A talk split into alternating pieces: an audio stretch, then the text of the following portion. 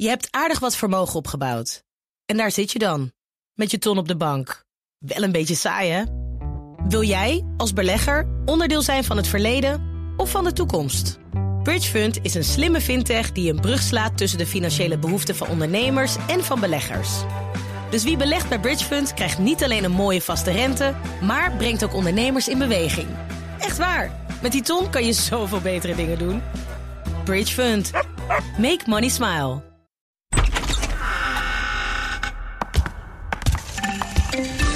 Nog? Of ben je richting? Ja. Klinkt zo stil. Hallo, hallo. Oh jawel, ja. Sorry dat ik het toch liet afweten, maar... Liet je het afweten? Niet toch weer even... Nee, maar ik wilde bij jou langskomen. Ik dacht, eh, Oh, dat we gaan uit, uit de podcast-lockdown. Toch, was het idee. Sophie van Leeuwen zit thuis te werken. Maar het is natuurlijk wel leuk, hè? Nu de politieke lockdown maandag eigenlijk ten einde komt. Dat we dan ook eh, de podcast lockdown stoppen. Ah, poëzie. Precies. Laurens, dit is poëzie. De podcast Lockdown. Nou, het, woord lockdown is sowieso al misplaatst, want iedereen mag gewoon naar buiten als hij dat wil. Maar eh, Nou, eh, jij mag weer hier werken op kantoor. Dat mocht. eh, ja, de studio is weer De geopend. studio, de redactie. Hè? De Ja. redactie is leeg. Ja, Jij precies. bent er. Ik zie daar Jesse Pinstor. onze Gisteren waren er vijf mensen op deze verdieping. Ja, dus er zijn wel wat mensen hier. Ja, Ehm, en jij bent er nu. Ja, ik ben er nu, maar ik, boven. ik zit natuurlijk eigenlijk gewoon altijd normaal gesproken in Den Haag. Net als Sophie. We hebben elkaar veel gezien deze week, Sophie. Eh, veel meer dan, ehm, Eindelijk. dan de afgelopen weken. Maar ehm, die lockdown, die journalistieke eh, redactionele lockdown is voorbij. De podcast lockdown, we mogen elkaar weer in de ogen kijken. De politieke lockdown is voorbij. De scholen zijn weer open. Het wordt langzaam eh, stap voor stap normaler. Het is Nieuwsroom Den Haag van eh, 15 mei. En jullie namen heb ik al gezegd. Zelf ben ik Mark Beekhuis. Eh, laten wij van start gaan. Waar gaan we? Ja, de, de lockdown is voorbij, Sophie. In Den Haag, alles weer leven weer gewoon. Nou, deze week waren de, de gangen nog leeg, hoor. Het is eh, echt een griezelig stil nog steeds, was het in de Tweede Kamer. Maar er was inderdaad dus eindelijk een groot debat over Habija. En er werd aangekondigd dat we volgende week weer met het vragenuurtje gaan beginnen. En dat er dan nog veel meer debatten eh, zullen plaatsvinden. En iedereen was heel opgelucht en blij, want de Kamerleden die, die waren er volgens mij helemaal klaar mee. Dat eigenlijk de, de politiek ongeveer eh, twee maanden heeft stilgelegen daar. Hey, En kan je je man vragen of hij de muziek uit wil zetten? Ja, dat ik even doen. Dat is misschien ook nog wel een idee voor een mooie podcastopname.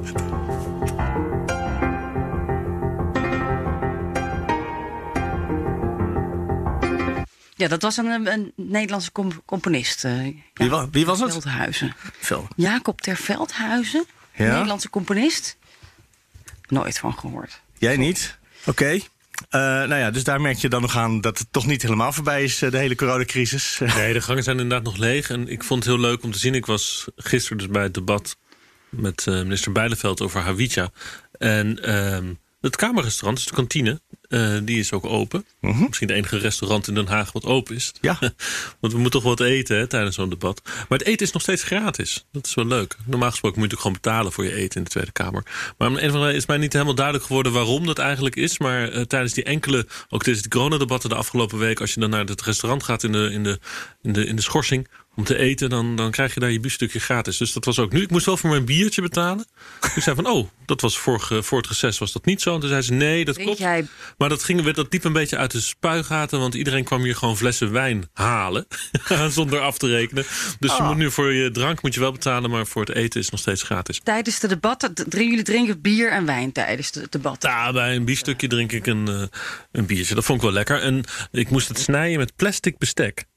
Van dat campingbestek krijg je er dan bij. Corona-proof, wegwerp. Zodat niemand het, hoeft, ja, dat niemand het hoeft aan te raken. Exact. En, Nou, was en er zijn er dus allemaal pijlen op de grond getekend. Hè? Dus ze hebben daar ook een heel, eh, helemaal nagedacht met stippen en eh, anderhalve meter. Dus dat als straks dus al die Kamerleden daar weer komen lunchen. En denk dat we dan weer moeten betalen ook. Dan, eh, ja, dan, dan wordt er wel een lange rij. En dus, de, dus ze hebben ongeveer de helft van de tafels eh, weggehaald. Dus je, moet, je kan ook helemaal niet meer zo dicht bij elkaar zitten in dat restaurant. Ehm, maar goed, de, alles wordt dus voorbereid om weer naar normaal te gaan. Er staat ook een koelkast eh, bij de, in de Statenhal, bij de koffiebar, met, eh, waar je dan broodjes uit kunt pakken. Serieus? Gratis. Oh, dat heb ik helemaal niet gezien. Ja, wat worden jullie toch verwend? Volgens mij is de kantine in, bij de FDMG gewoon nog dicht. Ah, ja. Ik weet het eigenlijk niet eens helemaal zeker. Maar vol- volgens mij is die dat. Ja, Goed, kleine verschillen mogen zijn. ik- Maar weet je, de, eh, het is wel leuk, hè? Want ze gaan dus nu eh, volgende week eh, komen de fracties dan ook weer fysiek bij elkaar. En Ariep die schreef in haar Kamerbrief erover van, nou ja, de kleine fracties, weet je, die, die vinden wel een plekje om een beetje op afstand van elkaar te vergaderen. Maar de grote fracties hebben natuurlijk een probleem. En dat is eigenlijk niet helemaal eerlijk, want alle fracties moeten evenveel kans hebben om ergens te kunnen vergaderen. Dus ze hebben meer ruimtes vrijgemaakt om te gaan vergaderen. En ze hebben de kelders van de ridderzaal geconfiskeerd. Dat is wel heel bijzonder. Daar past de VVD-fractie in. Ja, ik denk het. Ja, die horen dus helemaal niet bij de Tweede Kamergebouw. Hè. Dat is een aparte organisatie, de Grafelijke Zalen.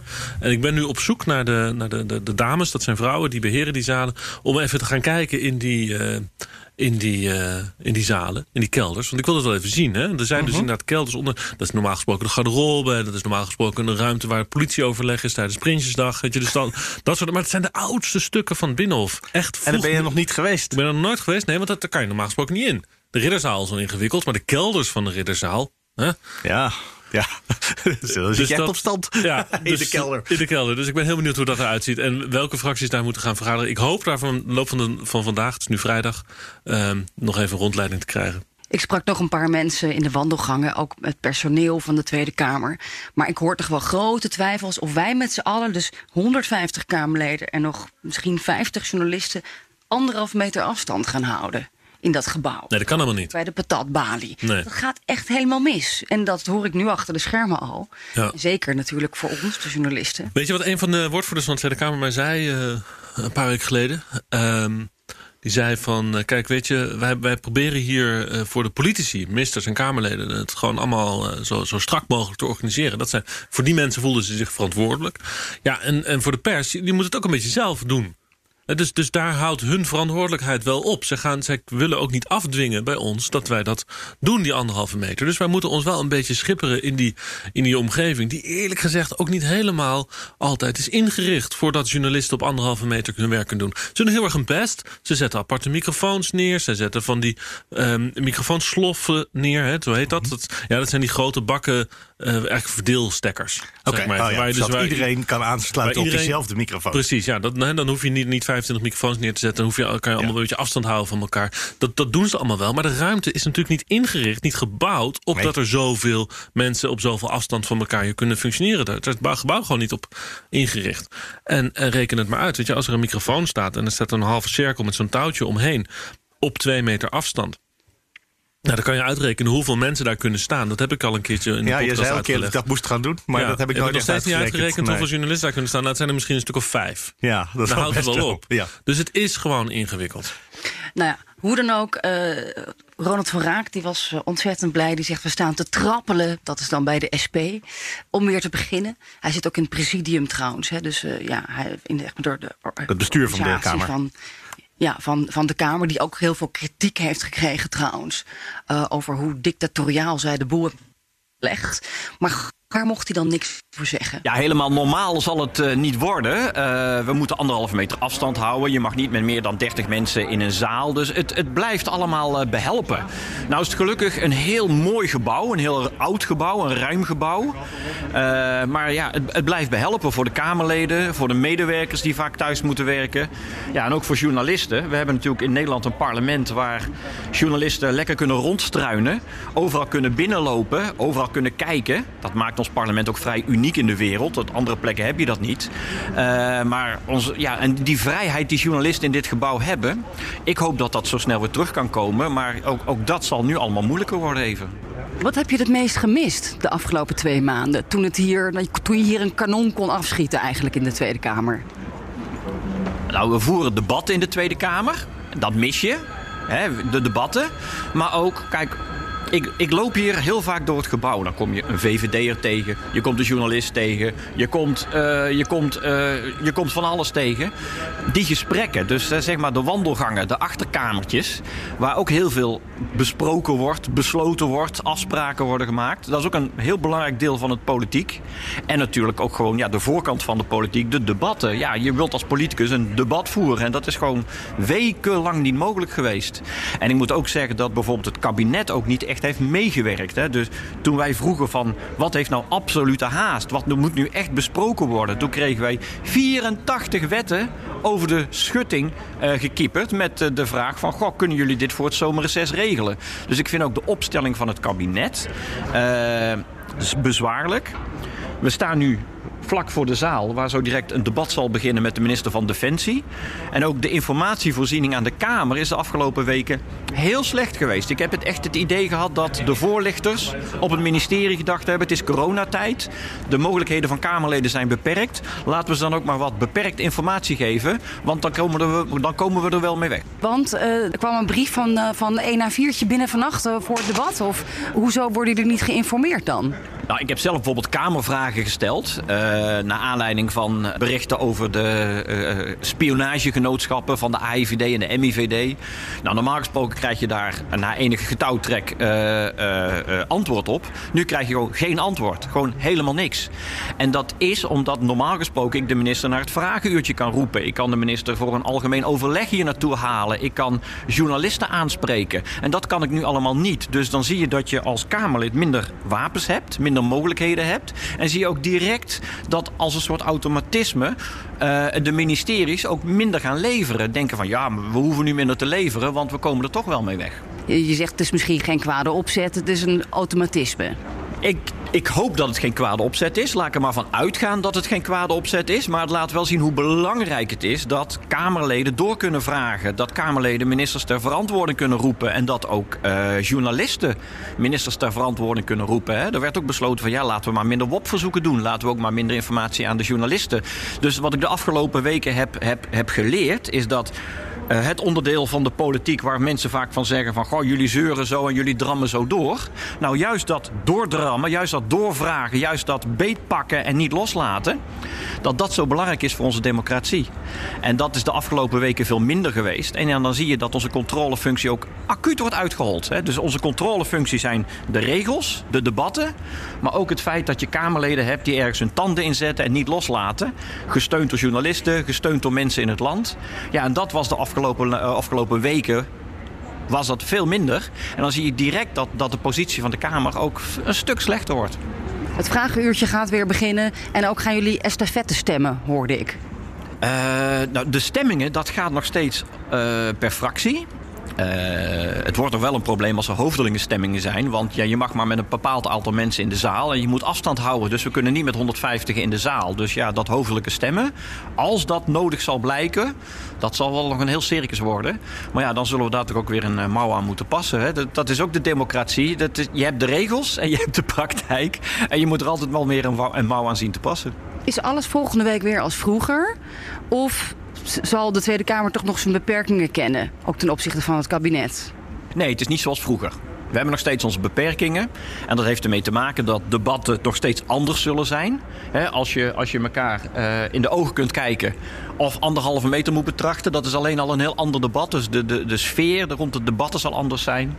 Maar ook uh, ja, het feit dat je niet elkaar de hele dag hier kunt ontmoeten.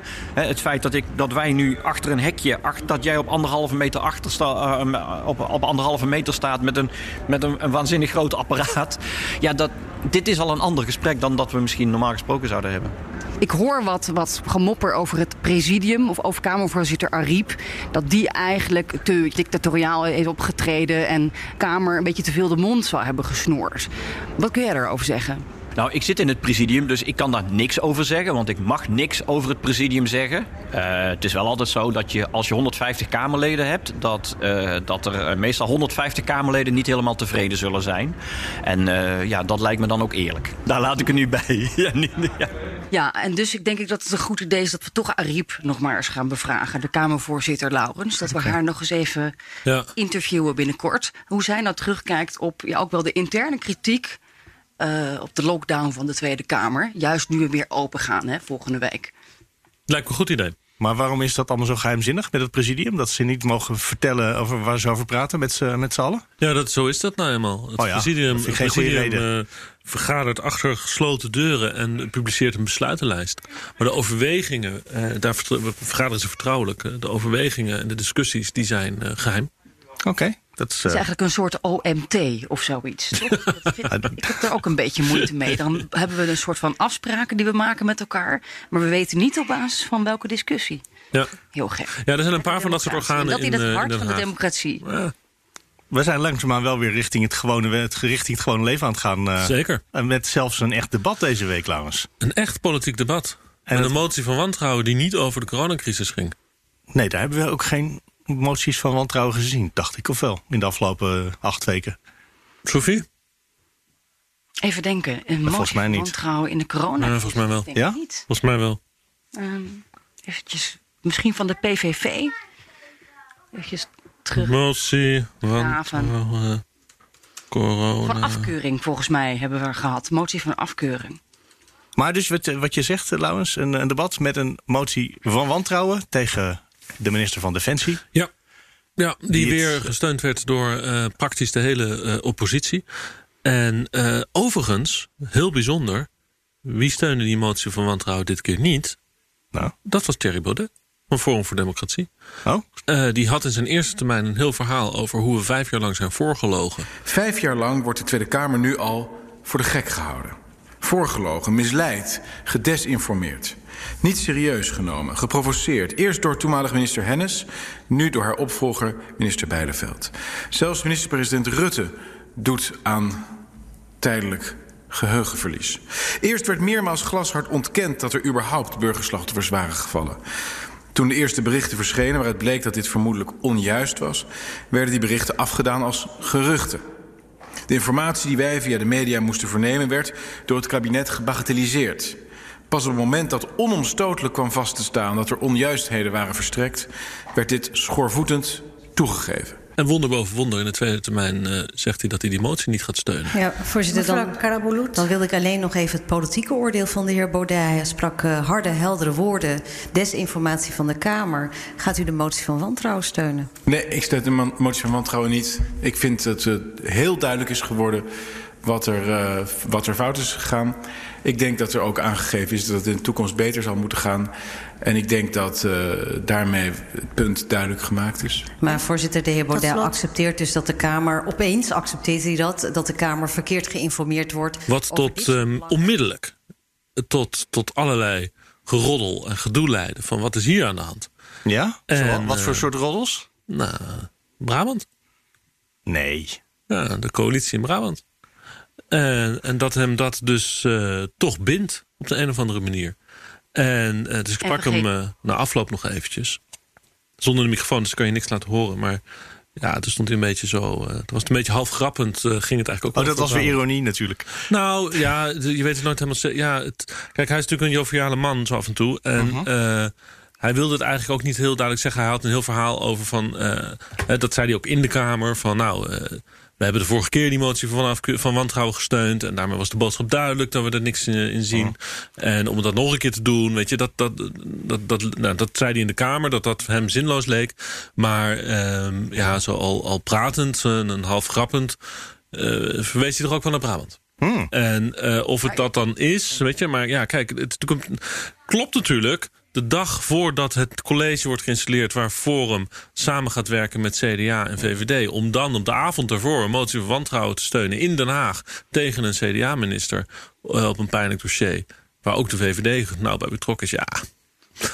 Maar bijzonder, hè? Dat is eh, fascinerend. Ik zie hier ook wel weer een aanwijzing voor zijn samenwerking met Wieberen van Haga. Dat is natuurlijk een oud commando, een militair, die wat, wij zien en denken eh, met, met, met Forum eh, wel samen. Nu Ja, al ja. optrekt met Nee, heel veel moties. Maar mogelijk ook toetreedt, denk ik, hè, op die lijst straks. Eh, van Van Hagen was, heeft ook niet gesteund. Ja, klopt. Ja. zij- Zij zijn, zij groeien steeds dichter naar elkaar toe. Al eerder gesignaleerd in deze podcast. En hier zie ik ook wel weer een, een duidelijk signaal. Ja. ja, en voor de rest was dat natuurlijk een debat. ehm, ja, wat weer uiterst pijnlijk was voor, voor minister Bijleveld. Ehm, die eigenlijk. Dat zie je in ook heel veel kranten staan vanochtend. ehm, niet. Ze zei op een bepaald moment zelfs letterlijk van wij, de, de- wij, de Tweede Kamer en ik, wij zitten in hetzelfde schuitje. Ik vind het allemaal net zo vervelend als, als jullie. En ehm, ze moet heel vaak zeggen dat ze dingen ook niet wist. Over wat er nou precies gebeurd was. En dat is toch bijzonder voor een bombardement, wat Nederlands bombardement, vijf jaar geleden is het alweer, dat, uh, waar al vier debatten over zijn gegaan. Dat je dus niet op, in, in zo'n debat uitstraalt en kan uitstralen en overtuigend laat zien dat je volledig heer en meester bent van alle informatie. En dat je alles hebt gedeeld. Er was heel vaak was er, waren er opmerkingen over: ik weet het niet, ik kan het niet, ik, ik, uh, ik heb niet alle informatie. En uh, heel vaak zei ze ook, verwees ook naar de Amerikanen. Ja. En zei ze in feite van: nou, ik geef jullie alles, maar mijn informatie verandert wel eens wat. Dan kan, kunt u niet zeggen dat ik u verkeerd informeer. Ik geef u precies en exact met een beëdigde vertaling door wat mijn Amerikaanse collega heeft gezegd. Dat is mijn taak. Ik beantwoord de vragen die u mij stelt en ik heb die precies beantwoord. Ook als het mij niet zo goed uitkwam. Want dit antwoord komt mij natuurlijk, voorzitter, helemaal niet uit. Ja, dat ging over het feit dat er dus in Amerikaanse rapporten wel degelijk die 70 burgerdoden in de statistieken worden meegenomen. Terwijl zij dat eigenlijk altijd heeft bestreden dat die 70 doden een status hebben uh, zodat, je ze, uh, zodat je er uitspraak over kan doen. Nou, en het werd op een bepaald moment uh, zelfs Bosman van de VVD, een oud militair, werd het op een bepaald moment te gortig. Want de discussie ging over een Nederlands onderzoek. Waarom een Nederlands onderzoek van het Nederlands ministerie van Defensie niet gedeeld was met de Tweede Kamer, maar wel met de pers, na een WOP-procedure. Dat, dat, dat, Eigenlijk hetzelfde wat er misging in Amerika. In feite wel. En, Behalve dat het nu allemaal binnen onze grens afspeelde. Luister eens even goed naar hoe Bosman praat met de minister van Defensie. Bosman, de oud-luchtmachtofficier. Wat was dan de keuze van de minister om te besluiten om het niet te sturen, maar te wachten op een WOP-verzoek en dan pas te sturen? En dat is eigenlijk de vraag. Ja, nee, maar dat heb ik u aangegeven. Dat was omdat het gedeeltelijk gerubriceerd was. Maar toch even, de, de, rubricering, de rubricering was een Nederlandse rubricering, correct? Ja. En dat was dus mogelijk om vertrouwelijk aan de Kamer te sturen, correct? Ja, dat had gekund denk ik. Maar waarom is er dan voor gekozen om het niet te doen? Uh, voorzitter, ik, er, is, er is voor gekozen om in een, in een, uh, in een brief uh, in zijn totaliteit aan te geven ehm, wat er was gebeurd. Nou, dit is dus geen minister die, die echt. Je hoort het gewoon zelf. Ja, nee, dit heeft geen commentaar nodig. En, maar dat correct. Ja. correct. Hij was boos. Dat ja. zag je gewoon. Hij was boos omdat hij dus ook nu geconfronteerd werd met het feit dat de Nederlandse minister ook dingen niet met de Kamer heeft gedeeld en wel met de pers. Waarom heeft deze, dit Kamerlid die motie van wantrouwen niet gesteund? Nou, dat is de VVD. Dan was het ja? einde kabinet geweest. Maar dat is toch wat hier had moeten gebeuren. Deze man die confronteert. De, de, minister had over, deze, over dit antwoord kunnen aftreden uit beleefdheid. Nou ja, goed, je gaat nu erg ver. Het, nee, serieus. Kijk, de, de coalitie heeft. Ik heb geen idee waarom ik iets gedaan heb. En bovendien was het verkeerd. En ik had de Kamer goed moeten informeren. En dat had ik kunnen doen. De coalitie heeft nu het, uh, het akkoord gesloten. Um, dat er dus een, een uitweg is uh, door het OVV om een onderzoek te vragen naar wat er gebeurd is rondom uh, het bombardement aan Hawija. Mm -hmm. dat is een beetje ingewikkeld, want dat kan eigenlijk niet volgens de wet, want de OVV die doet geen onderzoek naar uh, oorlogssituaties. Maar um, goed, daar vinden ze vast wel een constructie voor. Dan, dan, dan doen ze Jeroen Dijsselbloem in een andere toestand. Niet als OVV-baas, maar als uh, bijzonder onderzoeker of zo. Daar, daar, vinden, daar is wel een maal te passen. Voor, ja. Maar uh, dat is dus nu de uitweg. Het gaat nu naar een onderzoekscommissie. Um, en uh, de, de, de, belangrijkste bij de coalitie was Salima Belhai van D66. En haar verhaal was de hele tijd van... ik wil dat we alles weten als Tweede Kamer. En ik wil dit niet meer. Ja, dat nooit we... meer verrast worden, geconfronteerd worden met dingen die via de pers bij ons komen. Bijvoorbeeld, ja. En zij zegt van de Tweede Kamer is gedwongen als een soort detective met deze minister om te gaan. Ja er worden alleen maar dingen bevestigd die al bekend zijn. Nou ja, dan moeten we dus als Tweede Kamer, dat is eigenlijk de uitkomst van het debat, dat de Tweede Kamer de conclusie trekt, wij moeten onszelf beter bewapenen eh, tegenover een ministerie waarvan wij transparantie verwachten, maar het, het gevoel hebben dat die niet automatisch komt. Ja. Dus we moeten met eigen capaciteiten gaan werken, met eigen kennis en onderzoek. Er is ook een motie over aangenomen. En we eisen dus dit onderzoek van de OVV, een onafhankelijke commissie die al vaker uh, hele harde onderzoeken over functionerende ministeries heeft geschreven dysfunctionerende ministeries. En um, dan zien we wel weer verder als dat onderzoek van het OVV klaar is. Dat is nu eigenlijk de, ja, de Haagse way out. Hè. Dat is wel vaker. We parkeren ja, bij een commissie. Met een dat rapport en van de commissie. Dan heb je een jaar. Ja, maar die zijn niet altijd natuurlijk ongevaarlijk voor ministers. Hè. Want er zijn al vaker ook... Ik bedoel, Hennis, de voorganger van Bijleveld, de voorvoorganger... die is natuurlijk afgetreden rondom het OVV-rapport naar Mali. Dus uh, wat dat betreft, ze zijn niet ongevaarlijk, maar het is wel een manier om het. Het is over de verkiezingen heen getild. En, en je haalt het weg uit die coalitiespanningen. Uh, Want ja. D60 kan die motie ja, maar... trouwens niet steunen vanwege coalitiebelangen. Ja, precies. Maar ik hoor dus een falende minister van Defensie. die echt op de bek gaat in de Kamer. en de coalitie die gewoon beslist. wij houden elkaar overeind. In de coronacrisis. Nee, kijk, ik weet niet of die coronacrisis ermee te maken heeft. Hè, want het, er zijn natuurlijk al eerdere uh, debatten geweest... die waren voor de coronacrisis. Die verliepen eigenlijk een beetje op een vergelijkbare manier. Uh, het is wel een, ook een laatste waarschuwing van D66 geweest. En, um, en, die parkeer, en dat parkeren bij dat onderzoeks, uh, onderzoekskabinet en misschien dat er een deel van de conclusie van het debat gisteren ook was dat Nederland op een andere manier mee wil doen aan toekomstige missies. Dat we niet meer gewoon een uitvoeringsorganisatie van het Amerikaanse leger willen zijn, waarin Amerika iets gekozen en bedacht wordt en afgewogen. Ja. En dat dan wij gaan bombarderen in het goede vertrouwen dat de Amerikanen te vertrouwen zouden zijn. Is dat nou ja, los, duidelijk, ja, los van de vermoeden van dat er misschien vuil spel wordt gespeeld door de nee, Amerikanen. Nee, niet vuil spel, het, uh, maar dat wij gewoon geen invloed hebben op wat we zelf, wat onze missie is informatie komt niet altijd door. Nee, dat, precies. Dat is in het kabinet. weten, Kijk, er is een besluiten en dan gaan wij het doen. Er is een procedure afgesproken. Dan gaan we een beetje in de techniek van hoe die, die missies in elkaar zitten. Ja. Maar er is een procedure afgesproken. Er is een doelselectie. Dat zijn allemaal mensen en commissies en uh, officieren... die dat, uh, mm. dat hele proces doorlopen met alle mitsen en maren. En uiteindelijk is er een ja of een nee besluit. Nou, daar hebben ze een red card holder voor bedacht. Hè? Iemand die dus op een noodstop kan zeggen. Die, hebben, ja. die is al ooit ingevoerd vanwege andere vergisbombardementen... in andere oorlogen vroeger. Daar hebben ze een red card holder. Dat is een Nederlandse officier. Die krijgt alle informatie, is het idee. En kan dan zeggen ja of nee. Het punt in, wat nu naar buiten is gekomen... dat is één van die pijnlijke onderzoeken die de Amerikanen hebben gepubliceerd... die de Kamer nog niet wist dat die red card holder niet alle informatie had. Die nee. red card holder had wel de conclusies van al de rapporten... maar niet de rapporten zelf. En um, een van de evaluatieconclusies van de Amerikanen na het bombardement op Hawija was van nou, als we nou alles hadden geweten op dit moment, dan hadden we het eigenlijk niet moeten doen. En de red card holder heeft prima werk gedaan, gegeven wat hij kreeg. Maar hij kreeg niet alles. Maar hij kreeg te weinig. En dat is niet eens zozeer boze opzet, althans daar nee. is niet over gesproken. Maar dat zijn gewoon procedurele fouten binnen zo'n hele complexe organisatie natuurlijk. Hè, met 13 landen, ergens in het Midden-Oosten. Beslissers hier, beslissers in Amerika.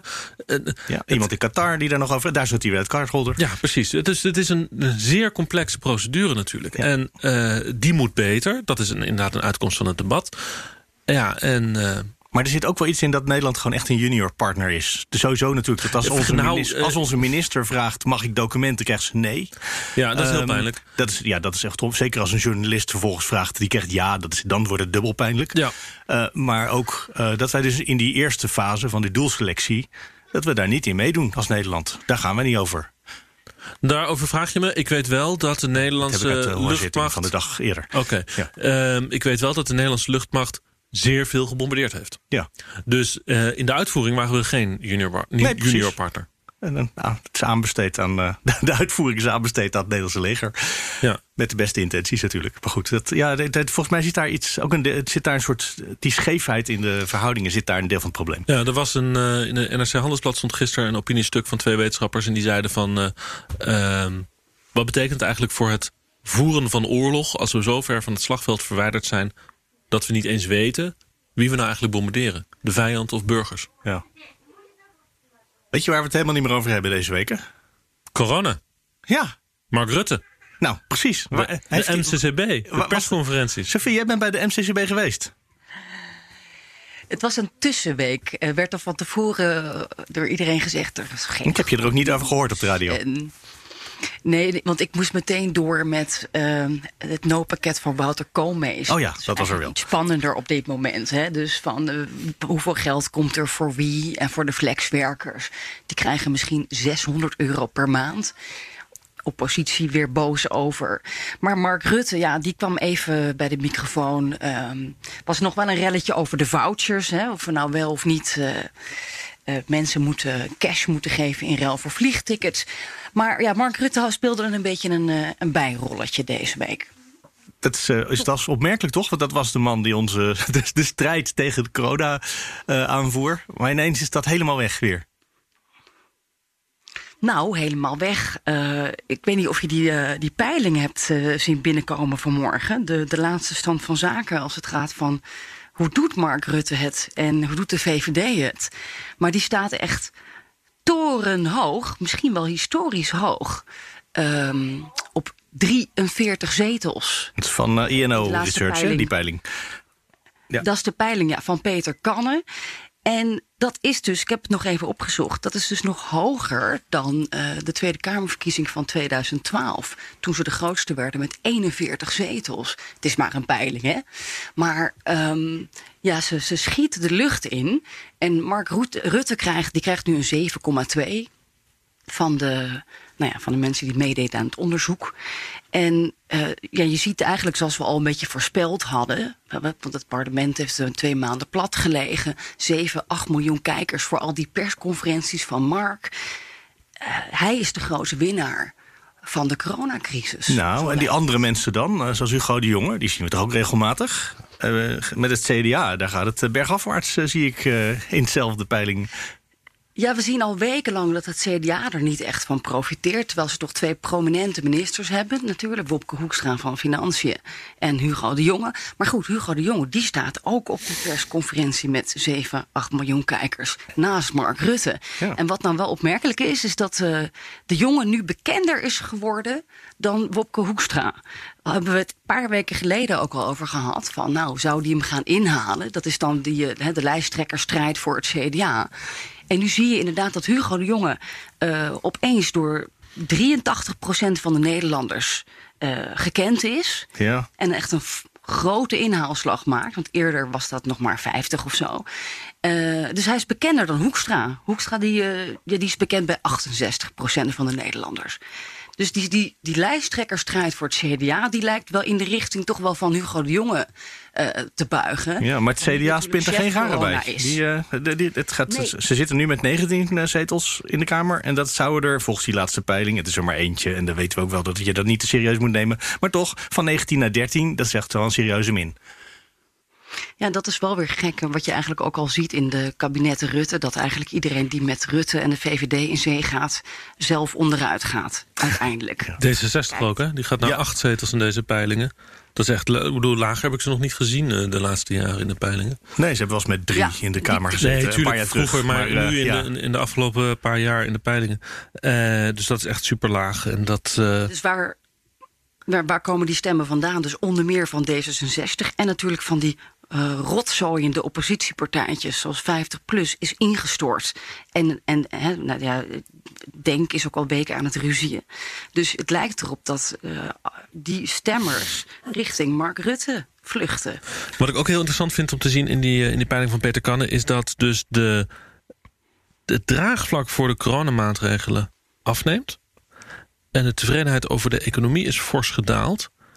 En dat is interessant, want kijk, Mark Rutte, die peilingen zijn nu heel erg hoog. Hij is natuurlijk nu uh, de redder van het land. Hè? Dat is een beetje het ding wat hij natuurlijk uitspeelt, ook met zo'n de stijl waarop hij de persconferenties houdt. Maar dat werkt natuurlijk alleen zolang dat in, in lijn blijft met elkaar. Zolang er steun is voor de coronamaatregelen. En um, men dus Rutte ziet als degene die het land redt. Zodra die steun af kalft en Rutte wel het verhaal houdt van die coronamaatregelen, kan het heel makkelijk omslaan. Want dan gaan mensen natuurlijk die ontevredenheid koppelen aan die man. Die ja, maar zorgt ja, dat de kroegen niet open gaan. Dus die, die peiling is heel vluchtig, heel luchtig. Dat kan zo uh, voorbij zijn. Je ziet dat de economie belangrijker wordt nu, ook in het politieke debat. Nou, de economie, je ziet in de peilingen dat uh, de linkse partijen niet echt profiteren op dit moment. Die peilen zo'n beetje wat ze altijd peilen. En uh, met wat plussen en minnen. Nou, Lodewijk Asscher, gisteren uitgebreid op televisie bij uh, Op 1... samen met Hans de Boer, flink bekvechten. De klassieke tegenstelling, werknemers, werkgevers. Hij zoekt dat op. Hij Ze proberen het debat ook weer richting hun onderwerp te trekken. Exact, want de economie wordt belangrijker. Er zijn nu mensen die ontslagen worden. Er zijn mensen, ik ook, die uh, hun huis verliezen omdat ze de huur niet meer kunnen betalen.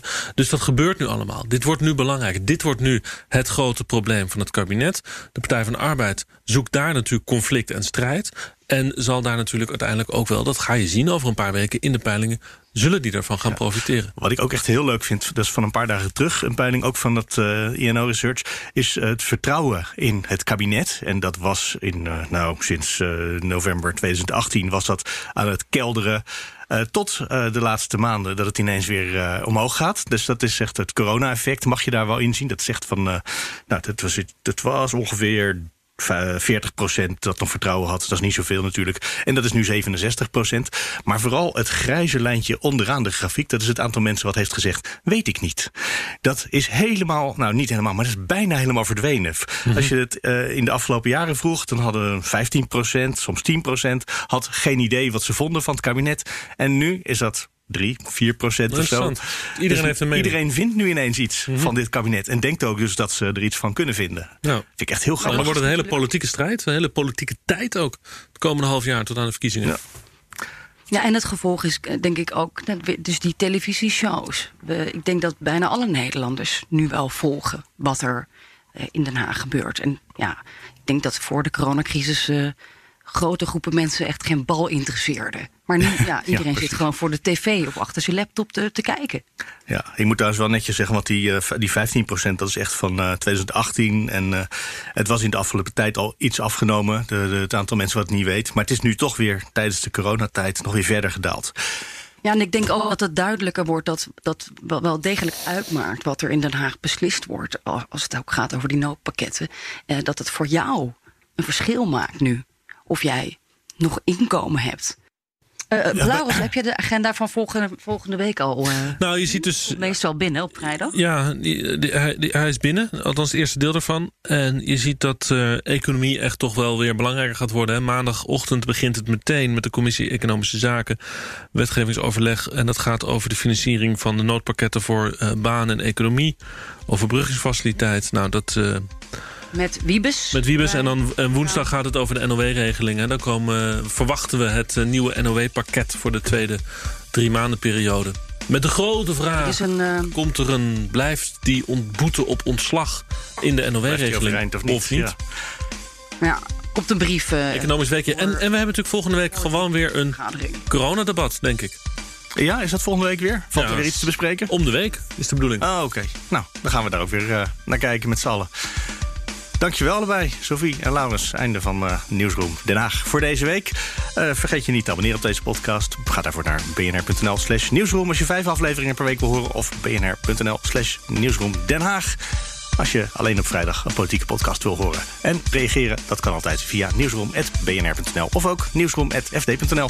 Tot maandag, tot volgende week.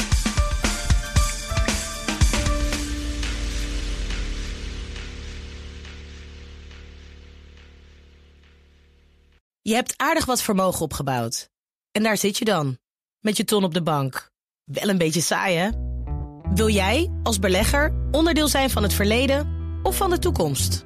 Bridgefund is een slimme fintech die een brug slaat tussen de financiële behoeften van ondernemers en van beleggers. Dus wie belegt bij Bridgefund krijgt niet alleen een mooie vaste rente, maar brengt ook ondernemers in beweging. Echt waar, met die ton kan je zoveel betere dingen doen. Bridgefund. Make money smile.